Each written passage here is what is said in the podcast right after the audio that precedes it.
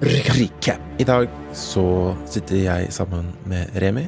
Vi sitter ikke sammen, vi sitter hver for oss. Ja. Du sitter under i seng, jeg sitter på gulvet. Da ser du litt innblikk i livene våre. Ja. Vi eh, snakker om eh, dokumentar i dag. Litt sjangerfokus der. Føler at vi ja, snakker ganske greit om det brede temaet. Dokumentar kan jo favne så sykt mye. Ja, jeg kan ta med veldig mye, egentlig, men eh, vi prøver egentlig bare å forklare lytteren litt om, litt om dokumentar. Mm. Det er en eh, spennende sjanger som gir mye. Ja. Ved siden av det så er vi innom eh, gode, gamle flashbacks.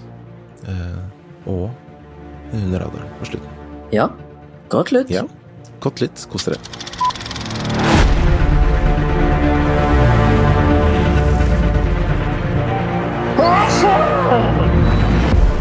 Og der er vi i gang. Velkommen til ny episode Korona Edition. Ja. Det er bare to ensomme sjeler som er her i dag. ja. Det passer nok Hjemme. eh, godt. I hvert vårt rom. Ja. Eh, Hva er det står bak deg? Du har en bok der. The Artist's Wax Artist's Way. The Artist's Way. Ja. Kanskje snakke litt om den? Det er egentlig det det jeg liksom skulle snakke om.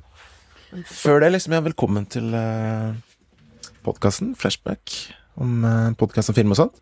Med meg, Babbo Tunde, som er frilans filmarbeider. Og så har jeg med meg Remi her. Hallo, jeg heter Remi, 34 år gammel frilans rekvisitør. Jobber mm. med film, som de som har hørt alle episodene fra til nå, vet jævlig godt. Og jeg er uh, 30 Å, Litt gun city her. Ja. Og jeg er 31, uh, fra Oslo. Og vi har også en tredjeperson med på laget, Morten, som dere kjenner godt. De som Han er 39. Han er 39, han blir 40 år, i Odins år, Mm. som han sier selv. Mhm. Um, måtte melde fravær i dag. Ja, han har jo, eh, som han har meddelt på podkasten, kjøpt seg hus, og da krever det jo litt innsats for å få ting på stell i den, på den fronten. Og det har vi jo forståelse for. Det er jo et uh, hekkende uh, stress og kav, sikkert, med en full jobb ved siden av. Mm, Så sånn er det. absolutt. Du er savna, Morten. Vi trenger jo selvfølgelig deg. Du er jo wildcard. Men kommer sterkt tilbake. Oh yes, next time. Next time. I dag skal vi jo snakke litt om uh, Fokusere litt på sjangeren dokumentar. Ja. Faktisk en av mine de sjangrene jeg setter øverst av alle Ja. filmsjangrene, egentlig. Ikke er øverst, men øverste sjiktet. Kanskje topp tre, da. Det er kult. Hva er Ja. topp én, da? Bare for å spørre. Nei, si det. Eller to, da. Siden jeg var tre, liksom. Nei, altså Før i tida så kunne du fått meg på skrekkfilmen på øverst, men jeg tar drama, i altså. Ja. Jeg setter drama i høysetet, for å si det sånn. Og så setter jeg Sier skrekk, det- skrekkfilm nummer to, og så dokumentar på tre, da. Ja. Sier du er uh, mørk innvendig, men du er ganske kjærlig, tror jeg. Emotional guy. Nei, Jeg jeg er også jo veldig glad i dokumentar. Ja, ja jeg, jeg ser mye dokumentar og prøver å få med meg så mye jeg kan. Mm. Eh, Av det som på en måte blir anbefalt som er bra, da. Mm. Det, er jo, det er jo så mye dokumentarer, og så mye forskjellige dokumentarer. Mm. Eh, Men det skal vi kanskje inn på litt etterpå. Absolutt. Før det, noen eh, flashbacks. Jeg Ja, hva er, hva er flashbacks for nye lyttere? Eh, flashback er et filmbegrep. Ja, I tillegg til navnet på podkasten. Altså, til podkasten. Og det er kanskje et begrep andre, andre steder også, men flashback er rett og slett et tilbakeblikk, da. Som i filmsammenheng, eller TV-seriesammenheng, eller kortfilm, eller hva det er for noe, kan brukes som et grep hvor man eh, drar tilbake i tid i historien, og så Ja. forteller noe fortid. Ofte da reiser man dit også, liksom i tid og rom, og visuelt, da. Såkalt flashback. Mhm. Eh, og vi bruker det for å fortelle om hva som har skjedd i forrige uke, eller hva er nytt, liksom. Ja, hva har vi sett? har vi sett? Eh, forhåpentligvis så er det interessant for lytteren, for da kan Ja. de få noen tips, kanskje. Ja. Det er vel egentlig derfor vi har det, at vi hver uke har uh, ukas flashback, der vi går gjennom Mm. konsum av medium. Absolutt. Du kan begynne sånn. ja, for du nevnte den boka her, The Artist's Way. Ja, du har jeg- ei bok, altså, for de som kun hører på.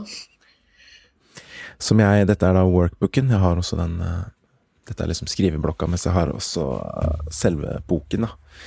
Som er en Jeg eh, fikk den anbefalt, som er liksom en bok som skal finne Hjelpe deg å finne tilbake til den kreative sjel, da. Som på en måte alle er jo kreative, ikke sant. Men med, i møte med motstand og ikke sant, oppveksten og bare ting som liksom sånn Nei, du kan ikke gjøre det, Remi. Slutt å leke med det. Bare sånne, alle sånne ting da, som måtte gi den der eh, kreative barnet et spark i magen. Mm. Eller jobbe for å liksom fjerne de blokadene, da. Oh, ja, ok. Spesielt har, har du liksom- lest hele? Nei, jeg holder på. Det er okay. liksom Det er et tolv ukers kurs, kan man kalle det. Mm. Så du leser liksom et kapittel hver uke, og så har du noen oppgaver denne uka. Oh, ja. Eh, og hver morgen så skal du skrive noe som heter morning pages, da. Så vi okay. tre, tre sider med mm, håndskrevet eh, blabb, blabber. Bare alt du har i hodet, liksom. Bare få det ut, liksom. Skal du det? Seriøst? Gjør du gjør det, eller? Jeg har gjort det nå i to og en halv uke, så jeg Wow. er chill. Nice. Er det så lenge? To og en halv? Ja, for det Hvor mange kapitler er det da du skal følge? Er det tolv? Var det det? Sa du det? Ja. Så tolv uker, da. Så på tre måneder så skal du være et kreativt geni? Vi får se. Men det, da, det for, håp- da hjelper det med noe, da. Det er ikke sikkert for hun, sk- hun skriver at den, den er av Julia Cameron. da Hun skriver Ja. at den er liksom for forfattere eller musikere, eh, painters. Ikke sant? Du kan jobbe med Writers. gravearbeid, writers, alt mulig. Um, fordi man er liksom kreativ i alt man gjør. Kult. Jeg Men, ble veldig interessert nå. Du må sende meg link. Ja, er skal, jeg skal legge inn i shownotes. Så Og det er veldig liksom Det er bra lesning, og så er Mhm. den litt sånn spirituell, som jeg også liker. Og så er det veldig godt å liksom stå opp og bare bare skrive i tre sider. Og samme hva du skriver, liksom. Viktig er bare at du skal få noe ned. Samme Mhm. om det er sånn 'Jeg har ikke noe å skrive i dag', 'Jeg har ikke noe å skrive i dag', 'Jeg har ikke noe å skrive i dag'. Bare skriv tre sider, så kommer det ut, liksom. Ja, ja, ja. Og det, og det blir liksom sånn nesten som meditasjon. Yes. Men er det sånn at du må stå opp ekstra tidlig da, eller? Hvis du har for jobb tidlig og sånn? Eller gjør du det kanskje morning pages på kvelden eller natt kvelden før eller noe? Nei, de bør gjøre det på morgenen. Altså, Mm. hun anbefaler liksom stå opp en halvtime før, da. Ok. Uh, og so far så har jeg ikke hatt noe tidlig settdager, heldigvis. Det har gått fint. Mm. Men uh, det hender at jeg liksom skriver litt med seg, pusser tenna, spiser frokosten, kaffen. Ok. Men det diggeste er liksom å ha tid og bare Det tar ikke mer enn Altså, jeg har ikke en stor notatbok, da. Jeg valgte liksom ikke den største A4-boka jeg fant. så det er liksom helt ok. Jeg er vel A5, kanskje. Tre av fem sider. Ja. Er det ikke Så- sånn som når du har skriftlig eksamen eller skriver akademisk tekst på universitetet, at du tar liksom sånn skriftstørrelse og Ja. spacing og sånn? Fem, eller hva det er? Bare for å fylle ut mest mulig? Absolutt. Altså, det tar vel kanskje 20 minutter, kanskje. 15 minutter, 20 minutter. Mm. Så det er ikke så lenge. Men uh, de morning pages, skal du gjøre det hver dag i denne uka? Hver dag. Okay. Hver dag. Det er ikke hver uke, liksom? Syv dager i uka. Nei, syv dager i uka. Og, og så er det andre oppgaver underveis som kan Ikke skal ta så lang tid, men det kan være liksom uh, En artist date er noe hun kaller det, liksom, hvor du på en måte skal gjøre noe godt for deg selv, eller bare gå en tur, eller gå på et museum du ikke har vært på, eller Mm. bare liksom Det er jo tanken din, da. Så det er liksom Det er en uh, reise. Det er spent. Det, Kult. Jeg So far, likte, so eh, likte det jeg hørte, iallfall. At uh, den er både informativ, spirituell og uh, Hva kalte det? Kre- eh, konstruktiv? Nei. kreativ? Nei. Ja, ja sikkert. Men sier det er liksom selv Du jobber med deg selv, da, og det er litt digg. Det trenger jeg Mm. Mhm. Ja. om dagen. Trenger Ja, om dagen. det trenger vi alle om dagen, ja. Enig. Så får få se, kanskje liksom. den løser eh, Jeg har jo Jeg vil vel si at jeg har hatt eh, skriveblokk i mange, mange, mange år. Så kanskje det løser seg nå. Kanskje. Samme her, men eh, jobber du med noe kreativt nå som du kan reveale, eller er det ingenting? Det gjør jeg. Jeg kan reveale litt, tror jeg. Jeg jobber på Mm. en dramaserie for The Oslo Company. Mhm. Som skal gå på Discovery Pluss. Jeg vet Tittelen er ikke bestemt, så det kan jeg ikke reveale. Nei. Men jeg jobber i hvert fall som sånn manusassistent slash medarbeider. Så nå gjør jeg jo noe veldig gøy og kreativt. Det er veldig positivt, da. Det får du jo ofte at kanskje et eh, lite løft. Det var samme rollen du hadde på den eh, serien vi jobba på sammen sist, som heter Seashore. Besatt. Besatt. Ja. Bortsett fra at jeg nå er litt mer involvert i storyliningen. da. Ja, det er jo gøy. Jeg har på en måte enda mer, mer å si, og det er jævlig digg. Og Mm. hun mannsfatteren eh, Marie Hafting, shout-out. Det var noe gøyalt hun sa her om dagen som bare sånn Åh, det var deilig å høre, liksom. For hun sa bare sånn Ja, for du er sånn ekspert på å lage sånne ubehagelige scener, liksom. Sånn gjør det verste for karakterene. Setter de i en verst tenkelig situasjon, da. Sa hun det til deg? Ja, når jeg hørte det, så tenkte jeg sånn hm, Fuck, ass. Nice. Det er litt gøy å høre, få, komplimenter, liksom. Bare sånn, faen, jeg gjør noe riktig, ass. Deilig. så det var eh, Det har jeg tatt med nice. Nice. lommeboka. Skal jeg ta vare på. Holde ved hjertet lenge. Takk for det. Ok, det var din flashback? Ja. Kult. Min flashback er Jeg har sett Exit sesong to på NRK, alt sammen. Dæven. Mm. Var det maraton, eller? Ja, jeg så alt på to dager. Ja. Eh, det var helt greit. Det var fun, det, liksom. Jeg, uh, jeg syns sesong to er mer uh, var mer underholdende og engaging enn sesong én, faktisk. må jeg innrømme. Eller kanskje det er bare fordi den er mest friskt i minnet. Ja. Men eh, det er en eh, Jeg liker Øystein Carlsen, liksom. Hvis det ikke tar helt feil, så var det vel han som sto for Dag, Mm, blant annet. Det tror jeg kan stemme. Mm, og De syv dødssyndene med Kristoffer Schou, altså en dokumentarserie om Kristoffer Schou for lenge siden, som jeg òg likte veldig godt. Så han syns jeg er en jævla kreativ uh, kis. Uh, lager ofte litt sånn spennende uh, historier og har noen gode ideer som ingen andre har prøvd på tidligere, så det er jo greit. Bortsett fra at de hovedpersonene i Exit er bare en bunch med rasshold, hele gjengen. Så er det fortsatt in- entertainment, liksom. For det, liksom, det blir veldig sånn løye å se på hvor sjuke de er i hodet, liksom. Ja. Så øh, anbefales som noe øh, Ikke akkurat lettvint å se på, det er jo grove scener til tider, men øh, jeg syns det er gøy. Det er, det er underholdende. På, med, på, altså, jeg føler jo at selv om du er, de, de det handler om, er noen jævla rasshold, så føler jeg at det er en sånn moralsk kompass i serien for det om. Jeg tror de er ganske klar over sjøl hvilken type personer de er. Og jeg føler òg at liksom det er sånn halvveis belærende om how not to be, da. Ja. Og så syns jeg det er litt gøy at eh, når det er um, mennesker som du Da uh, sikter jeg til eh, Agnes Kittelsen sin uh, skikkelse, som du liksom på en måte heier mest på, da, fordi at hun uh, blir på en måte framstilt som et litt sånn Ikke et offer, kanskje, men ei dame som kanskje har litt bedre hensikter enn de fire guttene. Men allikevel, pga. den verden hun er i, så er hun liksom ikke feilbar, hun heller, liksom. Eller ufeilbar, mener jeg. Hun er jo på en måte et um, uh, produkt av sin sitt samf Altså et produkt av samfunnet hun lever i, da. Eller det, det er feil ord, samfunn, men community, altså den klikken hun er i, er jo et produkt av. Og det syns jeg er interessant, faktisk, med hennes karakter. da. Så anbefales hvis du ikke har sett Exit, Baba, og lytter. Jeg sparer den.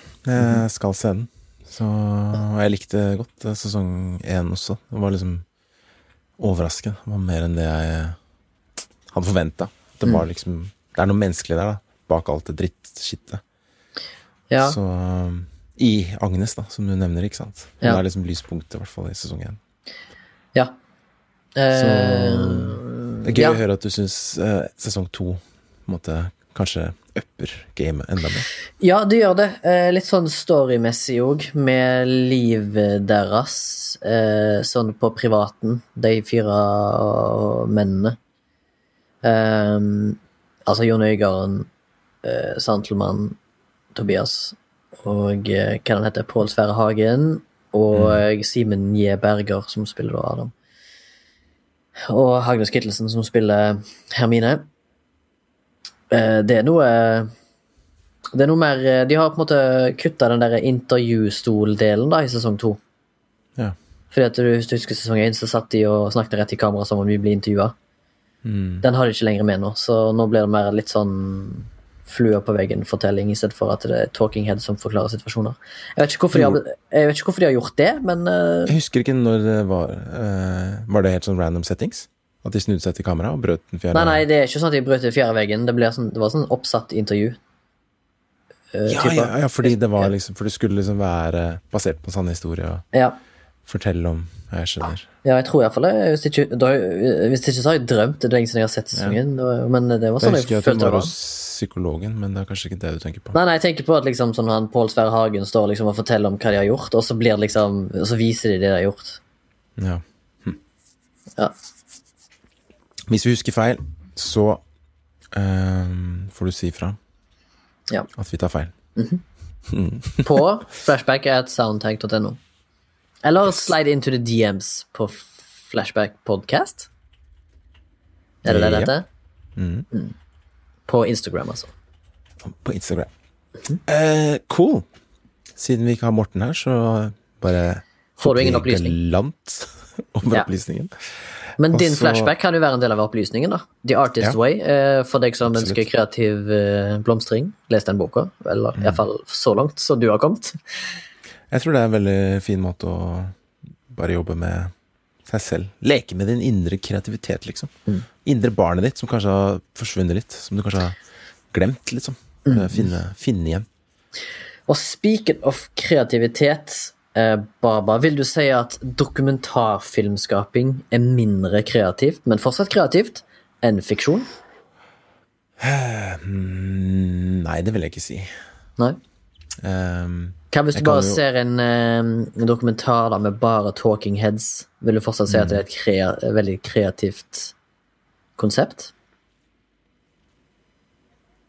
det, jeg synes på en måte Det er nesten aldri bare Talking Heads sin dokumentar, men selvfølgelig det kan være Nei. mye av det. Men igjen, da, det kreative ligger jo egentlig i måten man forteller historien på.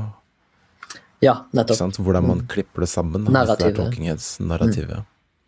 Eh, det er jo liksom det det kanskje da handler mest om. Ja. Og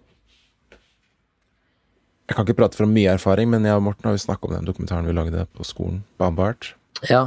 Og der var det, må jeg si, det var mye kreativt arbeid. I og med at vi ikke hadde eh, skrevet noen liksom plan da, på forhånd, liksom.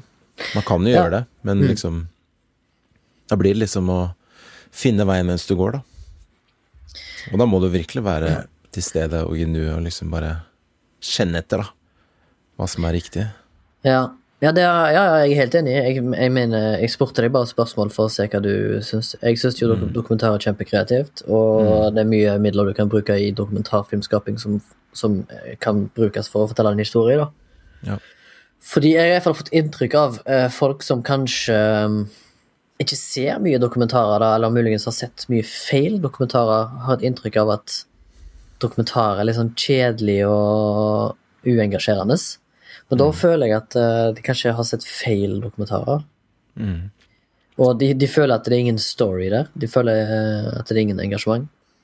Og ja, jeg har sett møkkadårlige dokumentarer sjøl, som ikke har noe som helst eh, framdrift eller engasjement, som jeg kan legge fort på hylla, liksom. Men de aller, jeg føler liksom de aller fleste som dokumentarer som er ute og kjente, da, er ofte jævlig godt laga.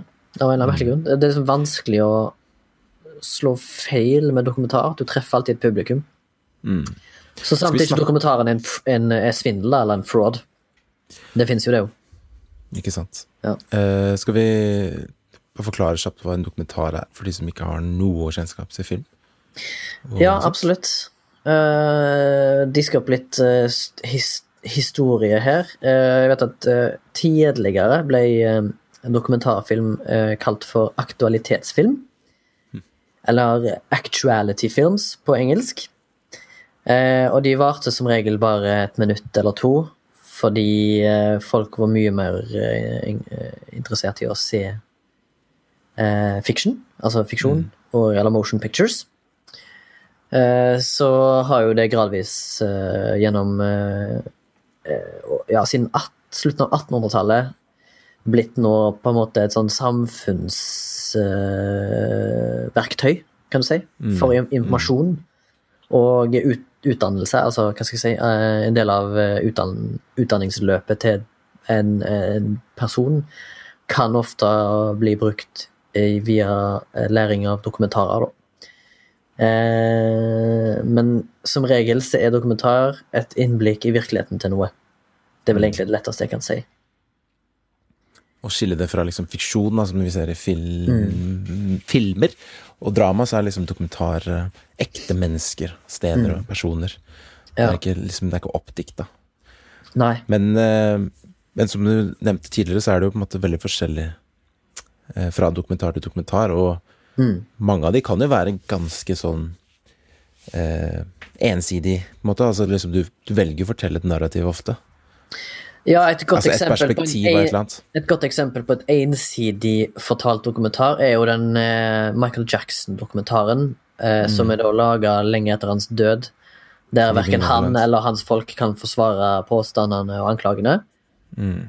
Eh, men de prøver sikkert så godt de kan å fortelle en ensidig historie, da. Ja. Eh, Og det er ikke noe galt i det, liksom. Men Nei, det er jo ikke det, det er et men det er det, grep. det narrativet du forteller, da.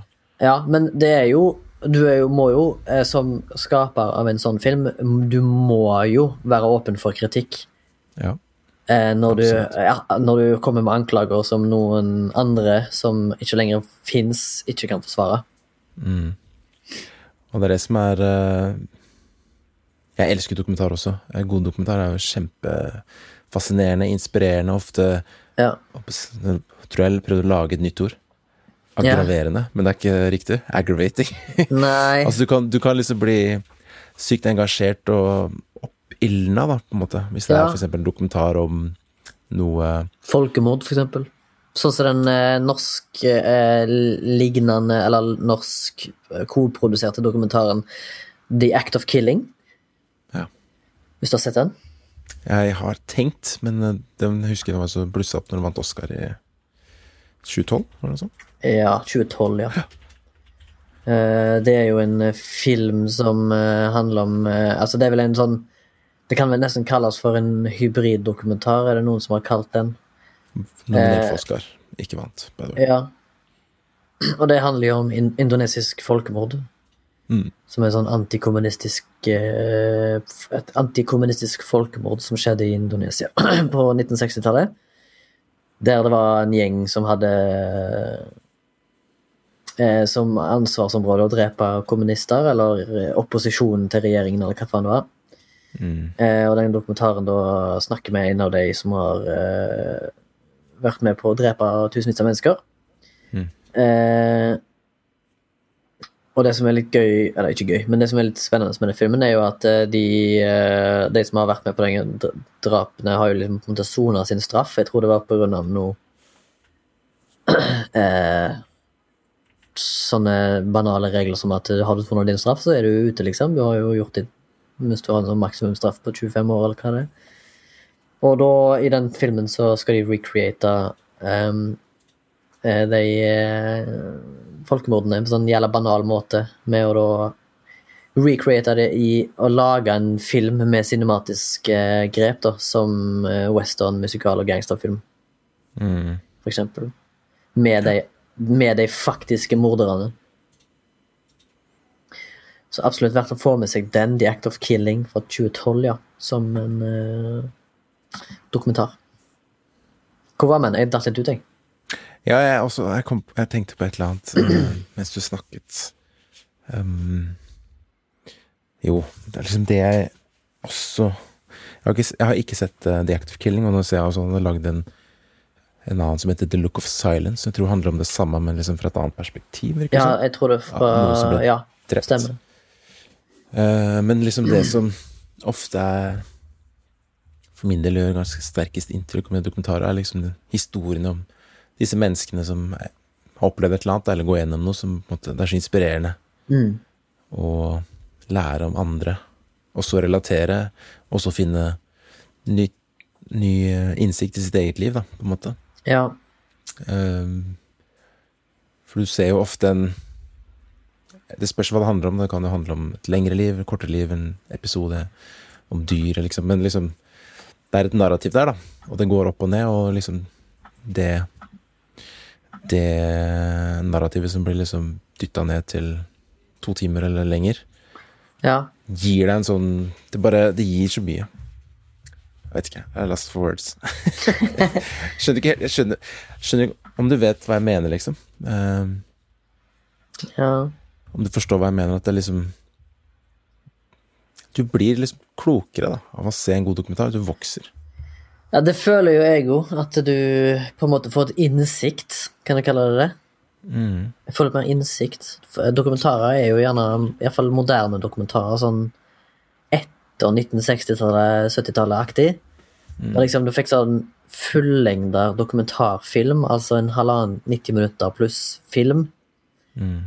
Så fikk på en måte dokumentarfilmen Jeg følte den fikk et sånn nytt, nytt eh, uttrykk, da. Ja. Og nå har det jo virkelig med streaming så har jo dokumentarer For jeg vet ikke om det var så veldig populært på kino.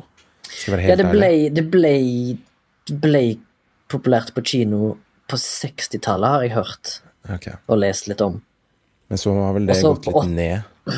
Ja, det har hatt Det går liksom i bølger, da. Ja. Men nå Men eh, det fins jo forskjell, forskjellige dokumentarsjangre. Jeg skal bare kort inn på det. Mm. Og det fins dokumentarer som da er uten ord, for eksempel. Som er liksom bare å fortelle noe uten at noe blir Det er jo da eh, Den der Koyana Skwatsky som eh, Morten snakket. Morten snakket om. Jeg tror den er sånn eh, ingen spoken content. Det er bare music og image. Og kanskje tekst i form av poesi eller et eller annet. Jeg har jo ikke sett den ennå, men jeg tror han skal være det. Det er jo sånn eh, Sånn et, en type stil, da. Og så har du jo Innenfor det så har du jo det som vi snakket om som var hybriddokumentarer, som er The Act of Killing. Som blander litt eh, tradisjonell dokumentarfilmskaping, og da i tillegg lager fiksjon inni, på en måte, den hybriden. Ja, og så har du for eksempel innenfor dokumentarfilmskaping så har du forskjellige måter å eh, fortelle et narrativ Altså en, ha en narrator style.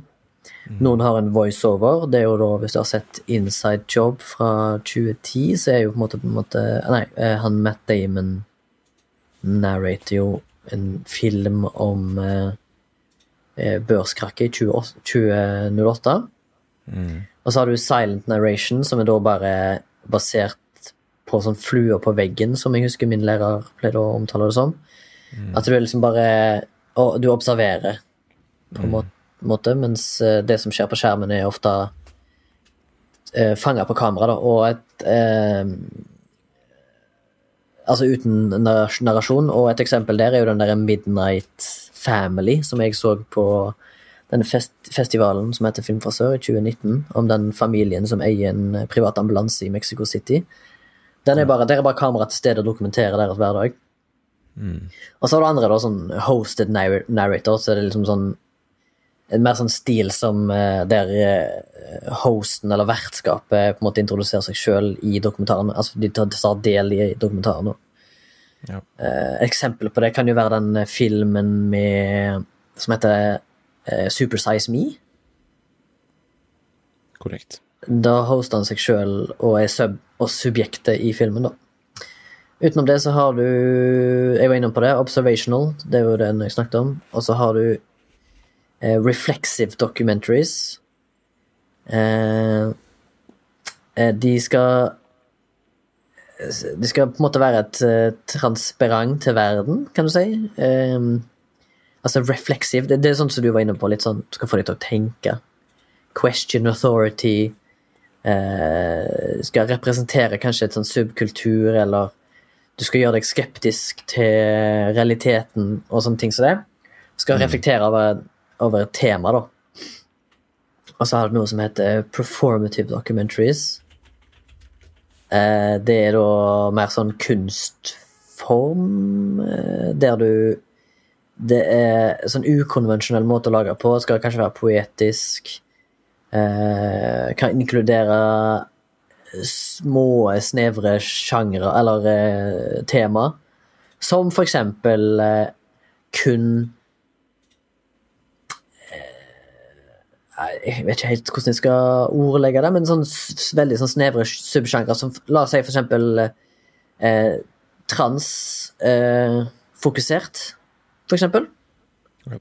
Eller LGBTQ pluss. Eller så kan de være veldig sånn avantgarde, altså veldig kunstneriske. Og så har du det vanlige, educational films, altså rett og slett bare faktabasert dokumentar som skal være eh, brukt i læring. Da tror jeg jeg har vært igjennom det.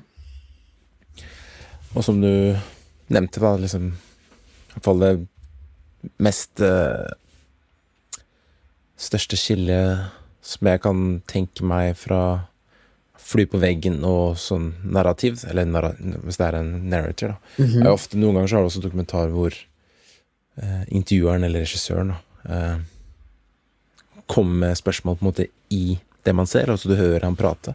Ja, i Eller at han er foran audio. Eller at han er i filmen, liksom. Ja, Litt sånn Michael om- Moore er det. Michael Moore bruker jo seg sjøl ofte når Ja, han skal finne ut av ting. subjekt. Ja. men han har jo på en måte Han, han lager jo litt sånn Jeg vil jo si at noe av det han lager, er kritikkverdig, fordi Mm.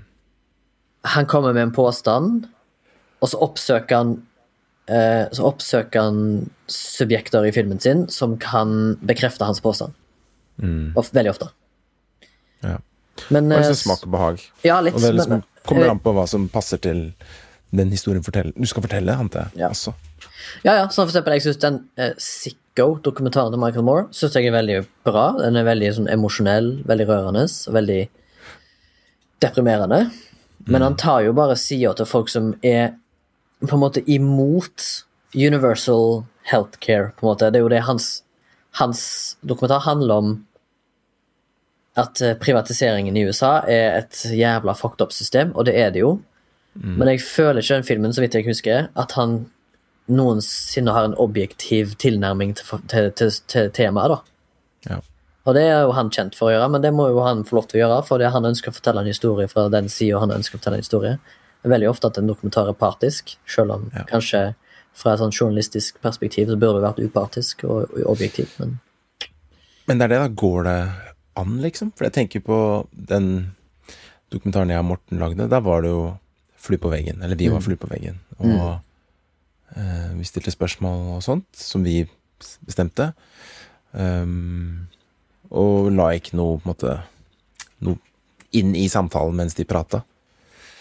Men vi ønsket jo, eller vi fikk jo på en måte den narrativet vi Når vi på en måte hadde kommet såpass langt i filmingen at vi skjønte at oi, her er det noe spennende med liksom forholdet deres og kjærligheten og sånt. ja. Så liksom fulgte vi det, og så på en måte håpa vi vi, vi fikk de svarene vi leita etter. Ja. Og samtidig også på en måte stilte spørsmål i den retningen, da. Så det blir jo Det blir på en måte et slags narrativ fra vår side. Men det er liksom ikke noe gærent i det heller. Man må liksom Smaken er som baken, og den er jo delt, så man må liksom på en måte Og sånn er det med jeg Bare kom på den der dokumentaren The Last Dance, også, som er en TV-seriedokumentar med Michael Jordan på Ja. Som jeg syns var skikkelig kul. Jeg òg likte den veldig godt. Men den er jo liksom lagd med den narrativet om at liksom, det er en heltehistorie, liksom, da. Men ja, og så står han jo sjøl som produsent. Ja, ikke sant, så det er jo liksom Her skal det ikke komme for mye negativt ut. For det er jo på en måte alltid mange sider ved en sak, og det er ikke eh, Det er vanskelig å se på noe objektivt, da, Ja, absolutt. Og du ser jo at uh, de prøver jo å være ganske objektive, men de prøver òg å manipulere publikum bitte litt. Men kanskje ikke sånn at det er ulovlig, med at ja, de tar opp noen negative eh, sider ved Michael uh, Jordan som person, Mm, men de veier det alltid opp med to gode sider etterpå. Mm, Så de prøver liksom alltid å one-uppe hvis, hvis de gir han noen flås, så gir de han gjerne to traits da, som er positive. Eh, men, men for dokumentarens del så er det jo viktig, fordi han er jo ikke et perfekt menneske, han heller. Han er et menneske. Med, med, han er feilbar. ja. Og det er, er jo litt andre- viktig for en relasjon. andre, på andre siden, liksom, hvis man skal lage en dokumentar f.eks. om Jeg har ikke sett den som Morten snakker om, eh, med de derre Åh, på Brennpunkt, med han kristne Ja, det har jeg sett. Ja. Og for eksempel han og pengepredikanten, da, der har man liksom Dette her er noe dritt, Mm. og vi skal vise den dritten for det der, liksom. Det er liksom det narrativet som Ja. filmskaperne går inn med, antar jeg. Eller, Ja, ja. for det jeg føler, da. Ja. Der prøver du ikke å Der, der leiter du ikke etter gode personer, liksom. Der Nei. finner du det verste, og så er det liksom det du forteller, da. Ja, men jeg vet samtidig at Brennpunkt, da, som har laga de dokumentarene, de er veldig sånn De har sånn etiske, moralske verdier de følger sånn Nesten litt sånn slavisk, da.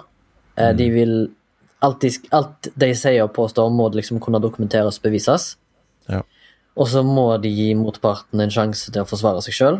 Men i mange av de dokumentarene de har laga, så er det sånn at eh, De har blitt De oppsøkt og blitt eh, konfrontert med bevisene, men ønsker ikke å kommentere eller ta del i dokumentaren.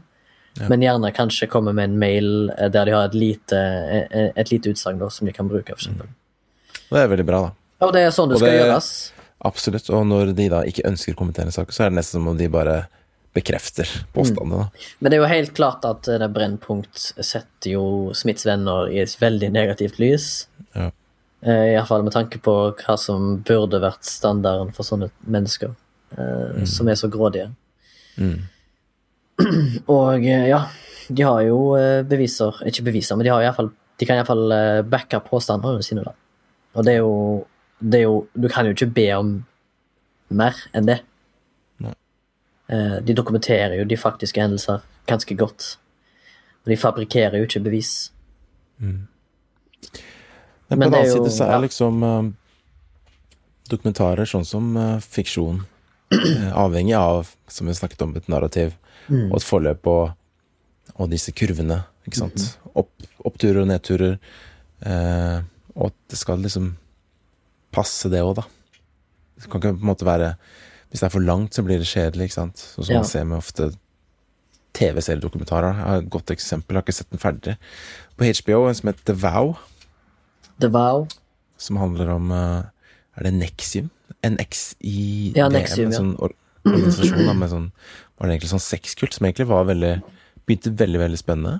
Uh, første sesongen er på Skal vi se her Ni episoder. Men så er det enda en sesong Nei, det er ni episoder, ja.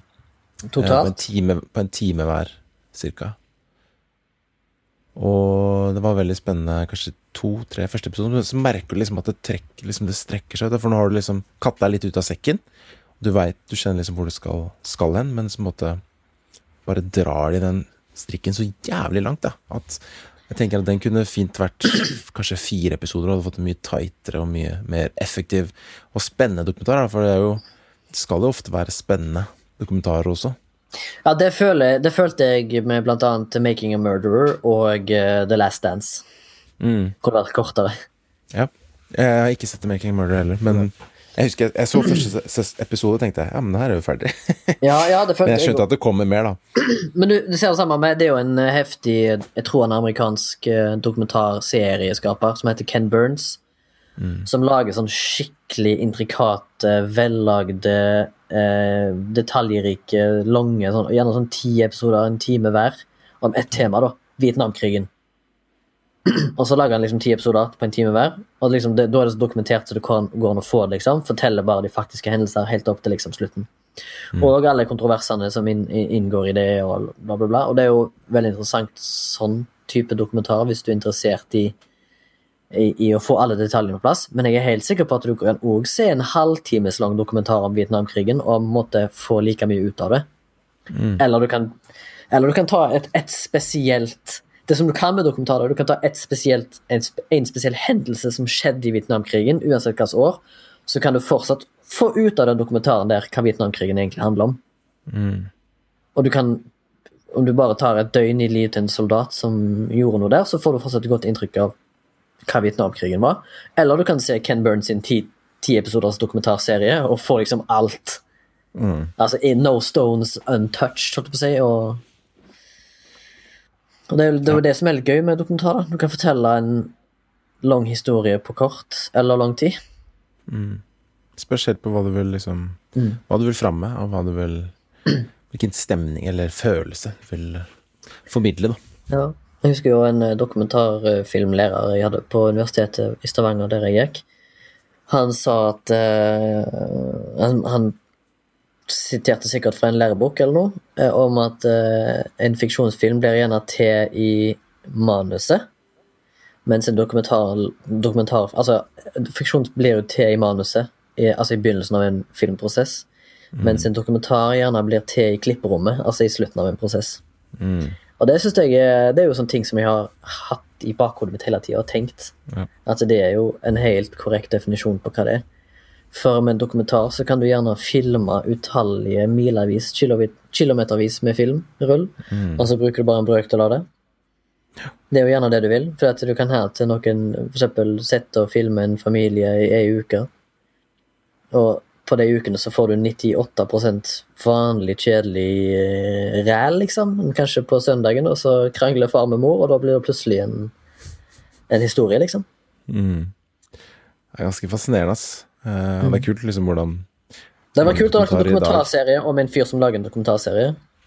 Eller e- egentlig generelt sett så ville det vært kult å ha en dokumentarserie i ti deler på hvordan du lager en film, og bare fulgt et filmcrew gjennom en innspilling.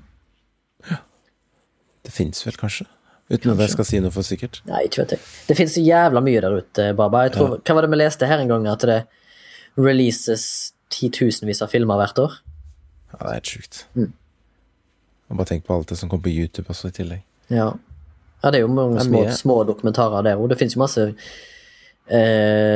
Hva skal jeg kalle det? Sånn eh, gutterom slash pikeromsdokumentarister der ute som lager heftig bra dokumentert eh, produkt. Sånn som for eksempel meg og Morten har snakket om han Lemino, han svensken som er bare et par og 20, som lager helt sjukt bra filmer på 20 minutter, liksom.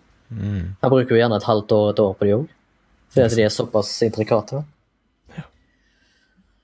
Men ja, hva skulle vi fram til Har du noen Hvis du skulle liksom peke på en dokumentar som du gjerne kanskje faller tilbake på, eller gjerne ønsker å anbefale hver gang noen spør om en dokumentarfilm, er det noen dokumentarfilm som ligger nærme hjertet ditt, liksom? Jeg tenker på film, ikke TV-serie. Eller TV... Nei, dokumentarserie.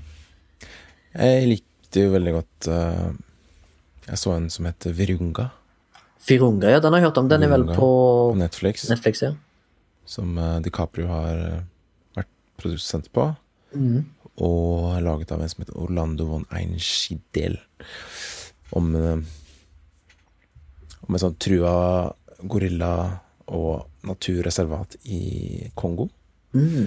Syns jeg var veldig bra og skikkelig spennende. Og liksom det, det filmmaterialet det fikk, da Jeg tror det var liksom Ja, det kan man kalle det gåstein flaks, da, at de fikk det materialet for å liksom kunne lage den Den uh, spenningen, da. At de, ting, de tingene som skjedde, veldig som fly på veggen. Mhm.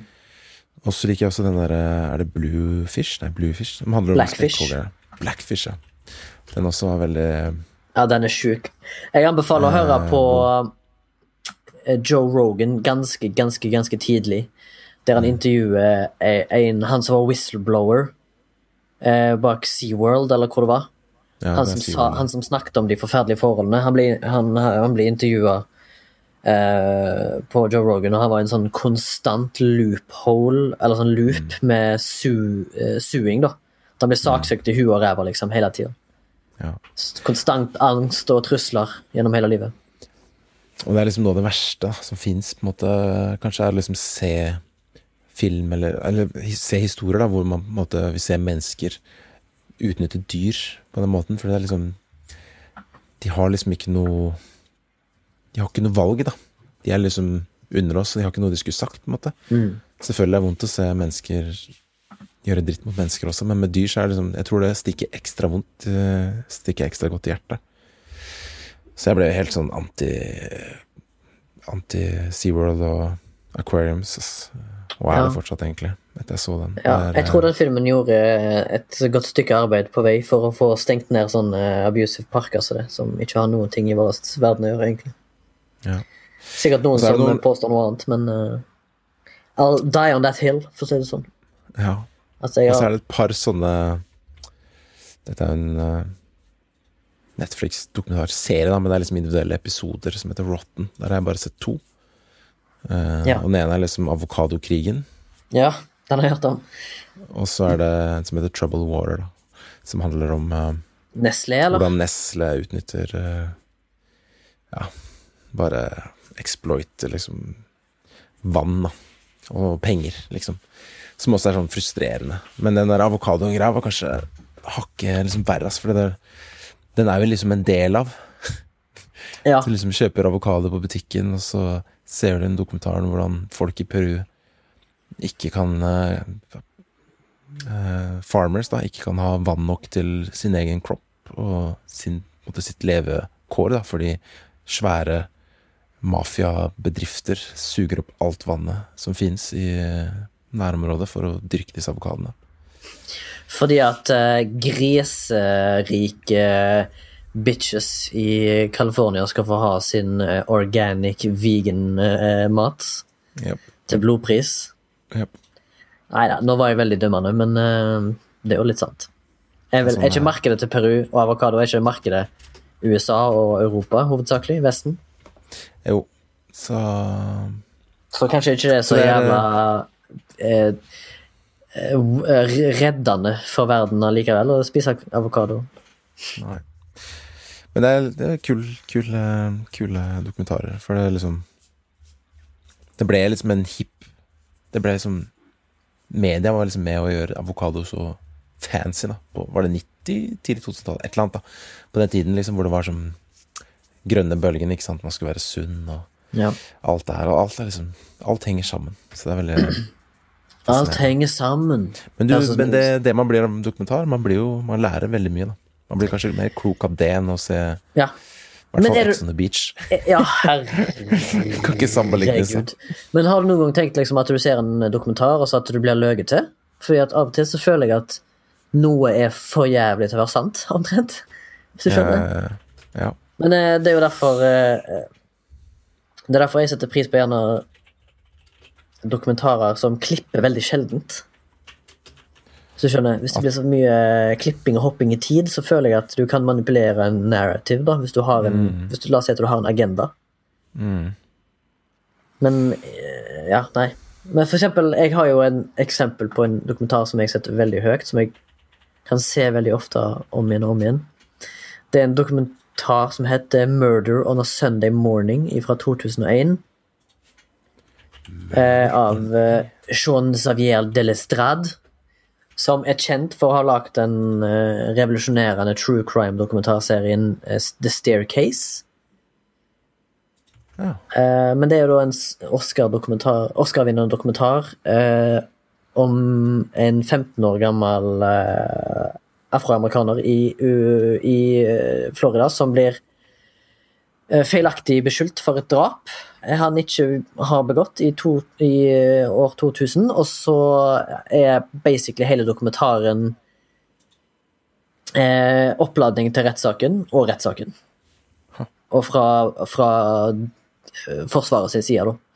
Og eh, det som er så jævla genialt med den eh, serien, er at de kommer så tett inn på det forsvarsteamet, og eh, kommer vel òg ganske tett inn på han som er blitt uh, Han som er blitt anklagd, òg, han 15-åringen, altså barnet som har blitt anklagd uh, for et drap som han ikke har begått. Altså, dette her er snakk om en uh, kanskje en ressurssvak kid, men han er liksom et skolelys. da, Han er jo bright som faen, liksom, men allikevel så Og du snakker nå om The Staircase, eller? Snakk om Murder on a Sunday Morning, Murder on a Sunday Morning. Ja. som er en fantastisk, fantastisk bra dokumentarfilm, som har et jævla bra narrativ, og et utrolig bra sånn eh, rollegalleri. Anbefales sterkt på det aller sterkeste. Nå var det litt kjøtt på flesk. Anbefales sterkt på det aller sterkeste. Mm. Kult. Men en annen dokumentar også, som jeg setter utrolig høyt, er en som jeg eh, konstant kan komme tilbake til. Jiro Dreams of Sushi. Enkelt og greit. En av de varmeste, flotteste dokumentarene du kan uh, se. Som i, Det er derfor du kaller det eh, Giro nå. Ja, det er derfor jeg kaller det Giro nå. Uh, fordi det er en dokumentar om uh, da, i 2011 altså, 85 år gamle Giro Eller Giro Uno. Lever han fortsatt, tror du? Uh, jeg håper det. Ja. Jeg har ikke sjekka, men han er iallfall en 85 år gammel sushikokk som fortsatt holder på i Tokyo. Fy faen. Og uh, han eh, serverer eh, sushi. Og snakker om sushi og har brukt eh, 70 år av sitt liv på å jobbe med sushi. Og er vel den eneste i Japan som han, ble sett på som en national treasure, som det eneste mennesket som var et national treasure i Japan. altså Som oftest er det en bygning eller et kunstverk Ja. eller eh, kanskje et piece of art. Men han er den eneste den har vært på Netflix, vet jeg. Eh, men jeg har den selvfølgelig på DVD. Blu-ray. For jeg veit at du har snakka om den før, og jeg har tenkt liksom Når du sier at den er liksom så koselig, så er jeg bare sånn åh, det har jeg lyst til å se. Ja, den er utrolig hjertevarm. Og så får du liksom sånn eh, innblikk i hvordan han har hatt det da, som, eh, som barn. Du får liksom innblikk i hans, hele hans verden og eh, Du får den der arbeidsmoralen til japanerne og den der eh, typiske kulturelle greia med å perfeksjonere noe. Og han har jo gjort noe. Han har perfeksjonert liksom måten å lage sushi på. Må, eh, han gjør det, enk, det er enkelt, liksom. Det er superenkelt. Men han har liksom tatt det der 10,000 hours-prinsippet til liksom Skrudd opp til 11, liksom. Ja. Og eh, for eksempel eh, det å bli sushikokk i, i Japan en gjel- gjelder sånn hard eh, En hard, stressfull eh, utdannelse. For eksempel at du kanskje de første sju årene kun blir ansvarlig for å koke egg og koke ris. Eller kanskje etter sju år så blir du ansvarlig for å koke ris, for det er jo visstnok en, en vitenskap i seg sjøl å få perfekt sushiris. Mens hos Giro da, så tar det gjerne ti år, fordi han skal liksom one step above før du liksom er ferdig utlært. Ok. Så det er sånn sjuke Og de jobber hver dag. Og de jobber flere titalls timer hver dag. Holdt jeg på å si. Men det er vel noe Men- menneskelig der, kan jeg tenke meg. Ja, absolutt. Du får uh, et innblikk i livet. Fordi at du får innblikk i Han har jo da sønner som i tillegg driver sine egne restauranter. Og dette her er da sånn høyt rangerte restauranter. Altså, selv om restaurantene hans er på liksom bånn av en T-banestasjon i Tokyo, plass til ti stykker, så er det fortsatt sånn ventelister ut året, og Obama har vært der, liksom. Mm. Det er liksom exclusive shit. Og så er det sånn omakase, hvis du vet hva det er. Omakase, nei. Omakase, Tror ikke det, det. det er sånn Omakase er sånn eh, Det betyr vel i prinsippet kokken bestemmer. Ok. Eh, eller kopp ja, Et eller annet sånn at eh, kokken serverer deg det han tror du liker. Det er Ja. sånn den sushien foregår der. liksom. Du blir servert det, det, det han serverer den dagen, og det, det er det du får. Du kan ikke velge fra en meny, liksom. Nei. Spennende, spennende. Men uh, uansett, det er en uh, film om mat, og en, uh, en jævlig inspirerende historie, så Vi skal se se. med Enten om hvis jeg finner noe sted Jeg fant det ikke på streamingguiden på. Filmweb. Så um, enten så får det kanskje ligge på YouTube, liksom, at den er såpass gammel. Det kan jo hende. ja. Eller man finner den eller online, eller man laster den litt sånn ulovlig. Det finner man ut. Han ligger kanskje på Amazon, har du sjekka der? Jeg har ikke Amazon i disse dager, Nei. men jeg kommer nok til å skaffe meg det om litt for å få sett den derre ah, Hva heter denne filmen, da? Med han uh, Taylor Sheridan skrev Tom Clancys Without Remorse, er det vel, med han Michael B. Jordan. Den Ja. jeg Ja. litt spent på. Ja. Av Stefina Stefano Solima. ja. Litt av thriller-action. Det står at han eh, jeg trodde kanskje Dreamer Dreams og Sushi HD var på YouTube. Eh, ja, det er han visst. Ja, du fant den? Ja. Jeg tror iallfall det. Jeg kan jo se. Ja, faktisk. Ja. Det ser jeg også. Jeg kan jo linke til deg. Ja, nå ble det litt uh, Fort Wall her. Men uh, vi kan jo ha med så mye mer å snakke om på dokumentar, egentlig. Føler vi har jeg dekka sjangeren ganske greit. en del. uh, Det er jo helt umulig å snakke filmer. om hele aspektet med, med dokumentar, men vi har iallfall tatt til grunnleggende, så som snakket litt om dokumentarer vi sjøl liker, og har kanskje fått litt lærdom i noen ting da. Mm. Men eh, det som i alle fall avslutningsvis i alle fall for meg er dokumentar, er da det at du tar et snippet of time, liksom, og du er inne i et levd liv, for eksempel. Mm. Så du liksom du dokumenterer virkeligheten, da. Det er jo egentlig bare det. Og for meg så også at liksom, du lærer noe om kanskje en ting eller en person som da gjør at du liksom lærer noe mer om deg selv og verden vi er- lever i. Det er liksom veldig Ja, egentlig bare det.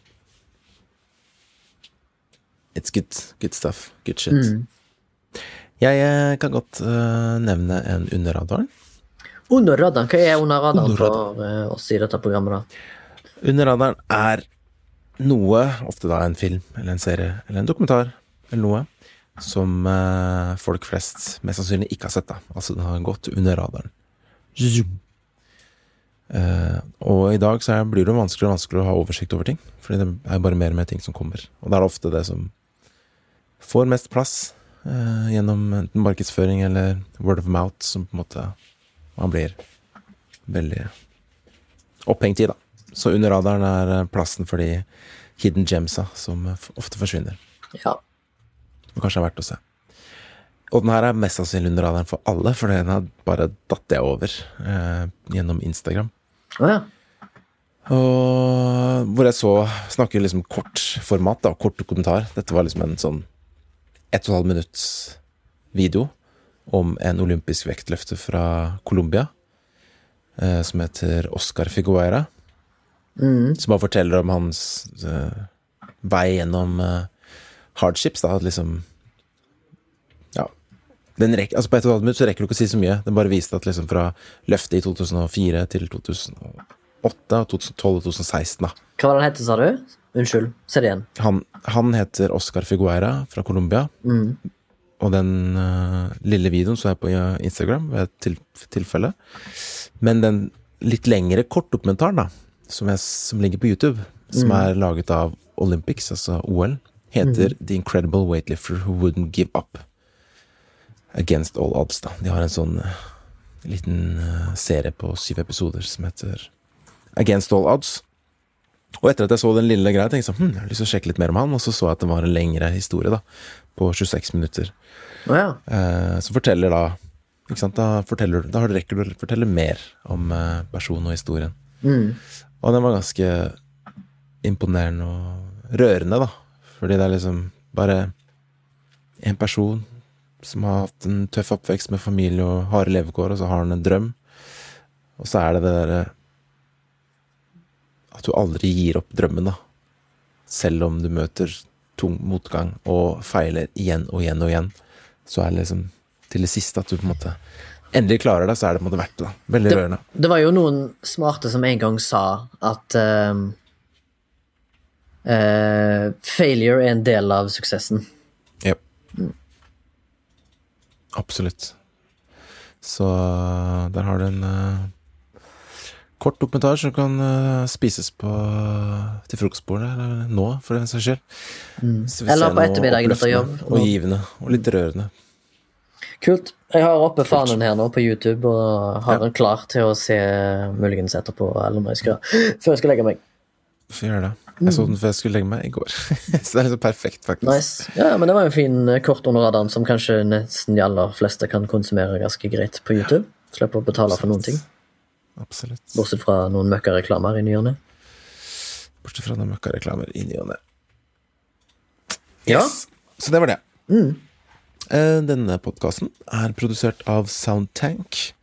Det er eh, Sondre F. Myhrvold som gjør etterarbeidet, slik at vi fortsatt høres relativt god ut, selv om vi er Hopefully. hjemme i studio. Hopefully. Um, du kan eh, ta kontakt på flashback.soundtank.no, mail, eller eh, sende oss en eh, DM eller tekstmelding på Instagram eller Facebook. Hvis det er noe du har lyst til å si, ris og ros, komme med tips og triks, eller noe ønsker, om vi skal ta opp, eller en gjest du vil ha i studio, eller et eller annet, hva som helst. Eh, og så tar vi også mot noen økonomiske bidrag, hvis du ønsker det. Da er det bare å søke opp på Vips. Der ligger Flashback-podkast. Da må du bare søke etter Soundtank. Med æ, hvis jeg ikke tar feil. Prøv begge. Ja. Soundtank med æ. Jeg Ja. tror det er med æ. Um, det var det for denne gang, tror jeg. Jeg håper vi snart kan komme i studio igjen. Ja, nå må dynamikk. jævla Oslo lette på trykket litt her nå. Forbanna jævla møkka korona. Faenskap. Satan. Unnskyld. Ja. ja. I feel you. Jeg tror mange føler det samme. Så Jævla møkka faen. jeg håper jo at uh, kanskje podkastene hjelper folk som sitter hjemme og ikke har så mye å gjøre i disse tider hvor det er tøft. Så det. Men vi høres neste uke uansett. Forhåpentligvis ses også. Det håper jeg. Ja. Ok. Ok. Til neste gang. Til neste gang. Takk for at du hørte på. Takk for at du hørte på. Ha det. Ha det.